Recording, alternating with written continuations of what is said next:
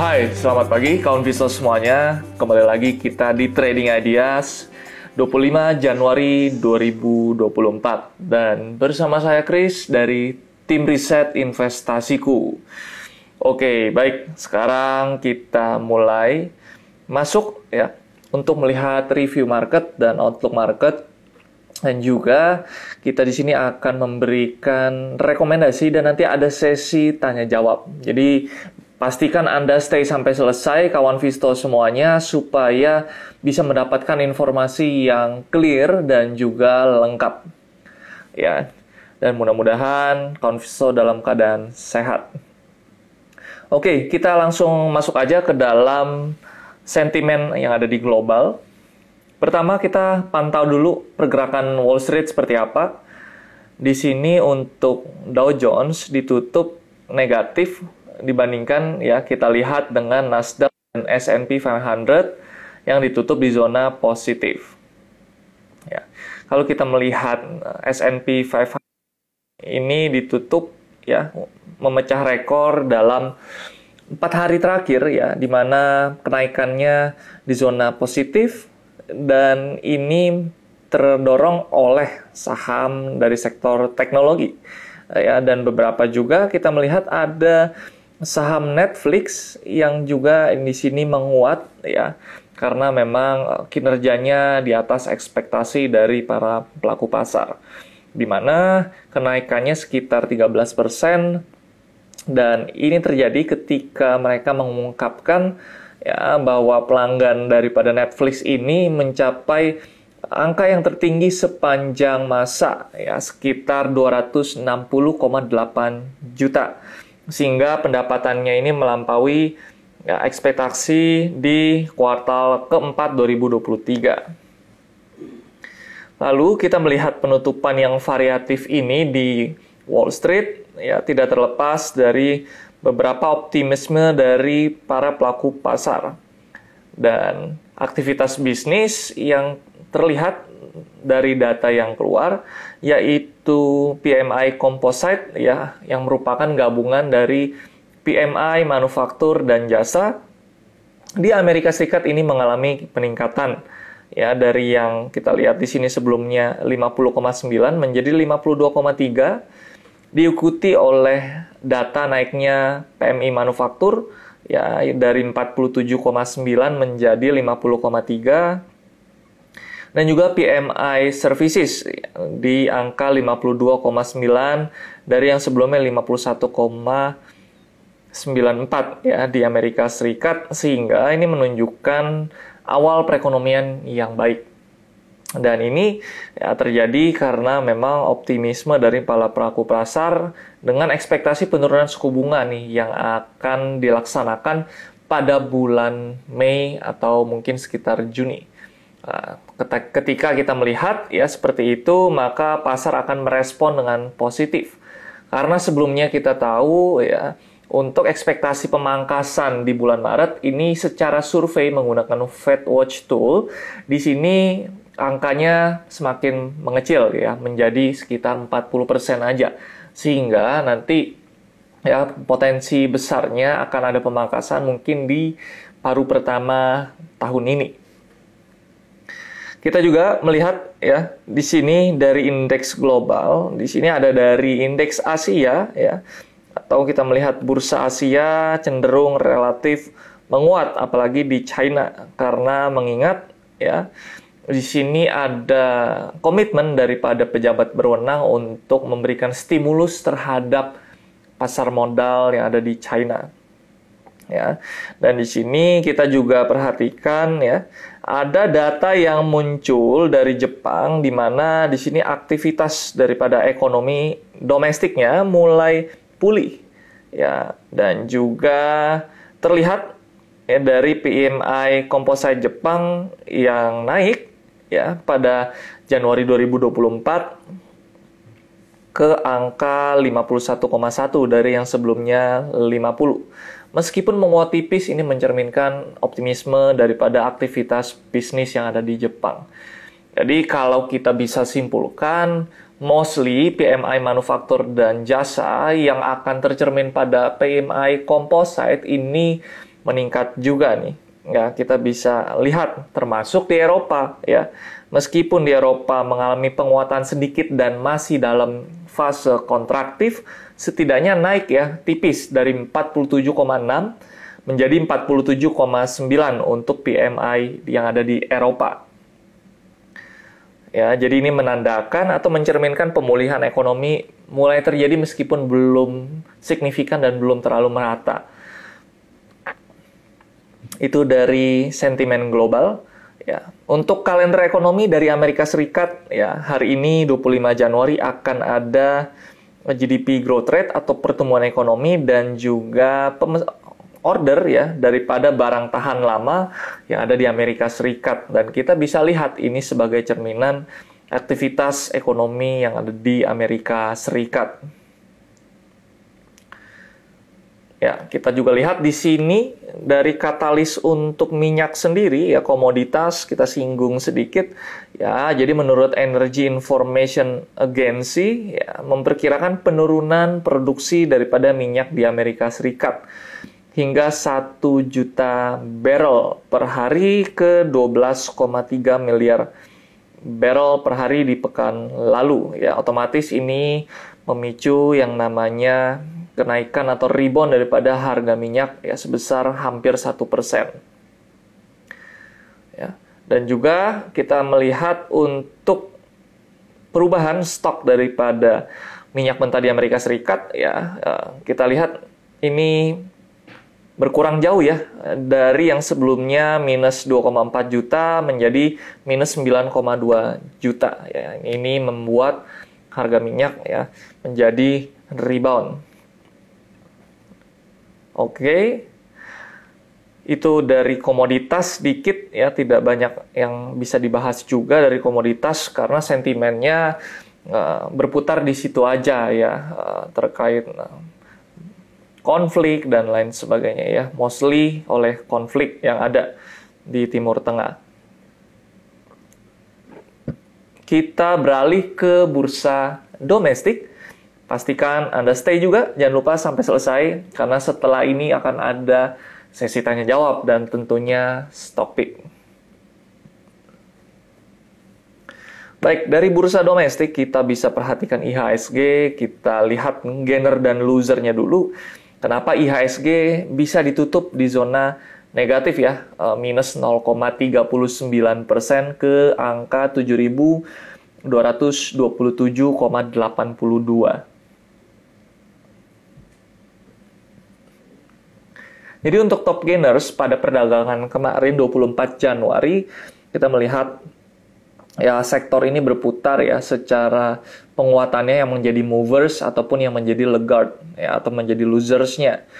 Pada kemarin sektor yang menguat ada dari sektor kesehatan, transportasi dan juga finance di mana masing-masing kesehatan menguat paling tinggi di angka 2,14 persen, transportasi 0,86 persen, dan sektor keuangan di 0,80 persen. Di mana yang menjadi pemberat IHSG di sini ada dari sektor basic industry ya, eh, dan berkurang sekitar minus 1,14 persen dan disusul sektor teknologi dan energi yang melemah masing-masing 0,75 persen dan 0,61 persen. Dan di sini untuk pelemahan Indonesia sendiri ya, IHSG tidak terlepas dari beberapa katalis ya yang memang kita lihat ini mempengaruhi. Dan sebenarnya kalau kawan Visto cermati, pelemahan IHSG justru di ya ikuti oleh aksi net buy asing ya, malah asing asik untuk borong saham-saham. Di sini net buy asing sekitar 1,4 triliun ya. Ini angka yang dibilang besar juga tidak, tetapi cukup uh, fantastis ya, karena IHSG-nya melemah. Dan juga ini kita melihat untuk transaksi kemarin cukup ramai ya. Kan biasanya uh, sekitar mungkin 9 sampai 11 triliun. Pada kemarin transaksi IHSG sekitar 15 triliun, 15,2 exactly. Oke, okay, dan pelemahan ini terjadi karena adanya rilis data dari BKPM Dan di sini rilis datanya memang yang cukup mengecewakan bagi para pelaku pasar sehingga direspon negatif. Nah, di sini yang menjadi concern daripada pelaku pasar adalah hasil dari penanaman modal asing ke Indonesia yang mencatatkan pertumbuhan. Ya, ada sih pertumbuhan positif sekitar 5,3 persen year on year. Tetapi pada kuartal 3 sebelumnya, ini kenaikannya atau pertumbuhannya tiga kali lipat lebih tinggi, 16,2 persen.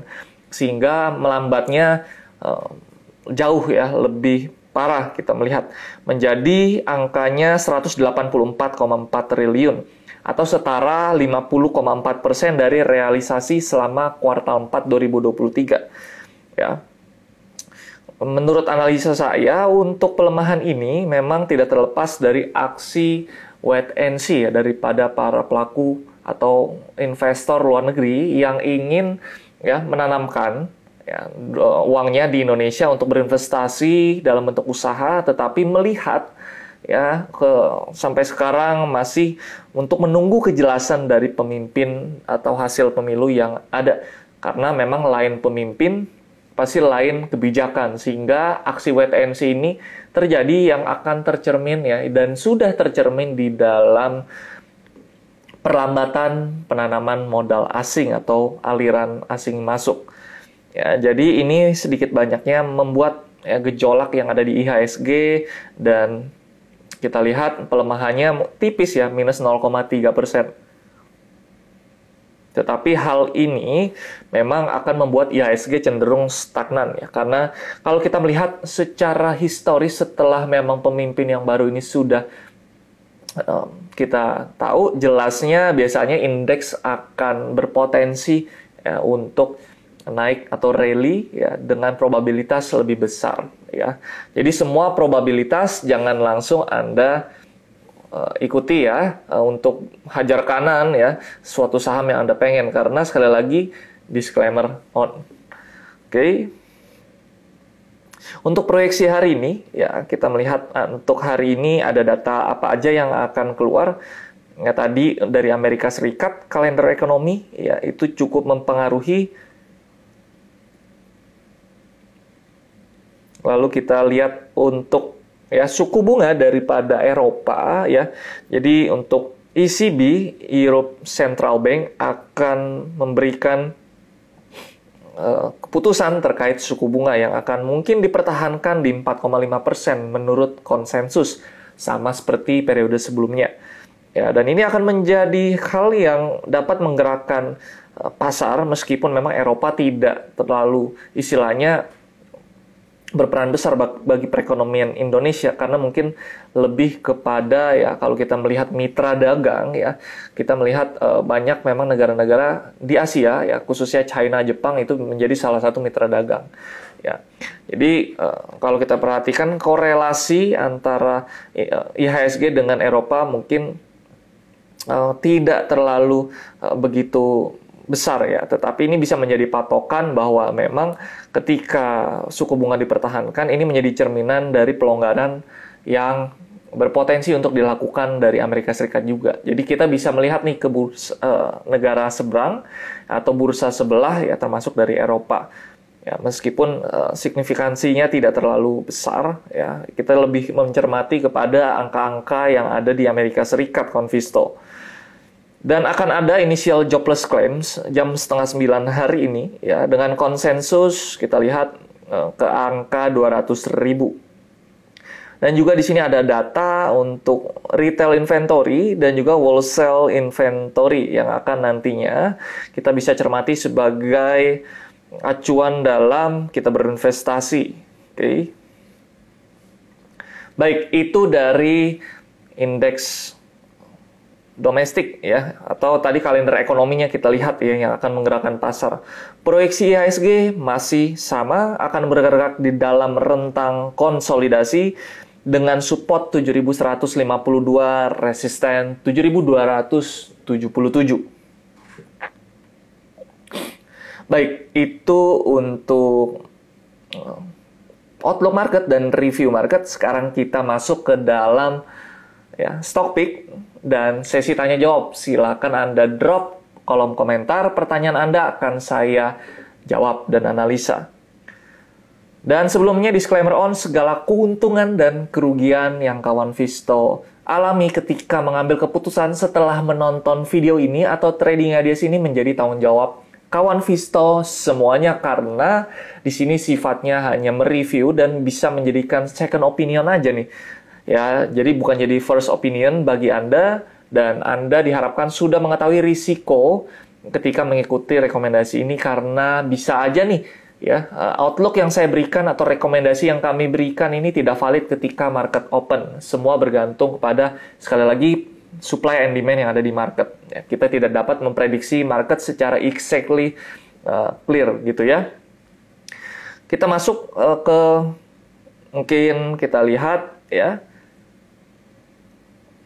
Rekomendasi pertama kita cepat aja karena banyak pertanyaan yang masuk ya. Uh, stay sampai selesai ya. Kita lihat di sini MDKA berada di jalur uh, bullish ya, jadi di uptrend channel dan rekomendasi kita berikan di MDKA dengan entry level 2680, take profit 2800, stop loss di area 2620. Ya, jadi seperti ini masih ada chance untuk MDKA naik ke atas.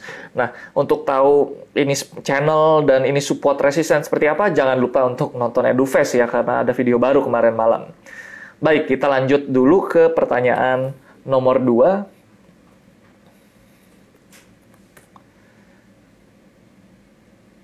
Oke, maksud saya rekomendasi yang kedua ya. Di sini untuk tower ya, ada potensi naik ke resisten upper band dengan entry level kita berikan 955 sampai 965, take profit 990, stop loss 940. Kita sembari menjawab pertanyaan ya. Ada dari Cegas sebelum kita lanjut ke rekomendasi yang ketiga. Cegas hati-hati ya sudah sesuai analisis harga berpotensi menguji area support 372 karena sudah ada pembentukan bearish engulfing di area resisten.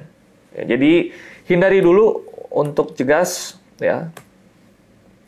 Oke, Adaro sudah menjadi rekomendasi tetapi kita lihat ya untuk ADMR di sini masih terbentuk candle bullish harami ya dengan chance masih ada kesempatan ya kalau Anda masih punya silakan hold take profit di area 1400 dengan area mungkin area stop lossnya di bawah 1330 ya jadi ADMR masih layak untuk di hold. Gajah tunggal ya ada potensi rebound dari area support 1040.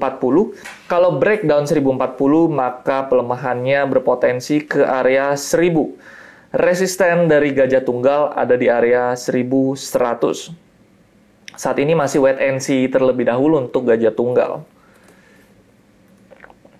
TPIA terlihat membentuk suatu pattern yaitu V-shape ya dan di sini candlenya sebenarnya kurang bagus tetapi tidak menutup kemungkinan untuk TPIA ini mengalami kenaikan karena ada pola V-shape ya jadi bentuknya seperti V ya, kalaupun TPIA ini menguat ya berpotensi ke area 6050 area resistennya dengan area support 5400 untuk TPIA. Ya. Bagi yang sudah punya silakan hold selama di atas 5400. Kita beralih ke brand. Brand sempat kita rekomendasikan dan gagal break dari inverted head and shoulder-nya tetapi Anda kalau mau pastikan valid terbentuk inverted head and shoulders, pastikan harga break di atas 5.900. Ya, support terdekat kali ini ada di area 4.950 ya. 4.950. Nah, jadi brand masih wait and see dulu. BBCA ya, terlihat masih akan bergerak konsolidasi dengan range 9600 dan support 9450. Jadi masih wait and see dulu ya. Astra Internasional ya kalau sempat kemarin saya lihat secara weekly time frame atau time frame mingguan harganya sudah breakdown dari support weekly dengan potensi ya pelemahan terdalam ya bisa ke area 4700 karena support besar di weekly-nya sudah uh, breakdown. Dan kecil kemungkinan kalau memang uh, Astra ini koreksi ke 4700 ya dengan catatan harga harus naik ke atas 5200 baru skenario ke 4700 ini bisa berpotensi terbatalkan seperti itu ya. Jadi kita melihat area support resisten. Sekali lagi support resisten videonya ada di EduFest yang tayang kemarin malam. Silakan buka channel YouTube investasiku. Kita lanjut dulu ke rekomendasi yang ketiga sebelum melanjutkan pertanyaan. Oke. Temas ya, di sini terlihat membentuk swing low di area support lower sorry support mid Bollinger Band rekomendasi entry level 170 sampai 174 ya take profit 185 stop loss 163 BBNI membentuk bullish harami ya sehingga rekomendasi buy di area 5450 ya uh, dengan take profit 5.600 stop loss 5.350 Jasa Marga telah break dari resisten mid Bollinger Band sekaligus telah break ya. Atau kita bisa katakan ini break dari mid dari downtrend channel dan ada potensi ke upper downtrend channel Ya, rekomendasi buy 4760 sampai 4810, take profit 4880, stop loss 4680. Kita lanjut ke tanya jawab. Pertanyaan selanjutnya dari saham MDKA. MDKA sudah menjadi rekomendasi kawan Visto. Jadi rekomendasi sekali lagi ya Buy 2680 sampai 2710, take profit 2800, stop loss 2620. SMDR ya ada potensi rebound karena di sini membentuk bullish harami ya. Potensi rebound next resistance 380 ya. Kalau Anda mau buy ya di sini kita perhatikan ya ada area stop loss-nya di 356.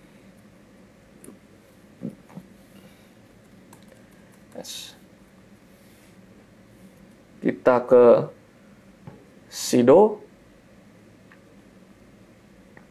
Sido ya sebenarnya pergerakannya di situ aja ya karena memang uh, secara sentimen minim dan memang pertumbuhannya mungkin ada perlambatan tetapi tidak yang sampai crash seperti uh, apa ya seperti mendalam seperti itu ya uh, potensi crashnya itu tidak ada karena memang sekali lagi uh, ini adalah sektor defensif yang dibutuhkan jadi paling pergerakannya hanya sideways ya, support 492 resisten 525 ya pergerakannya mungkin di itu aja areanya.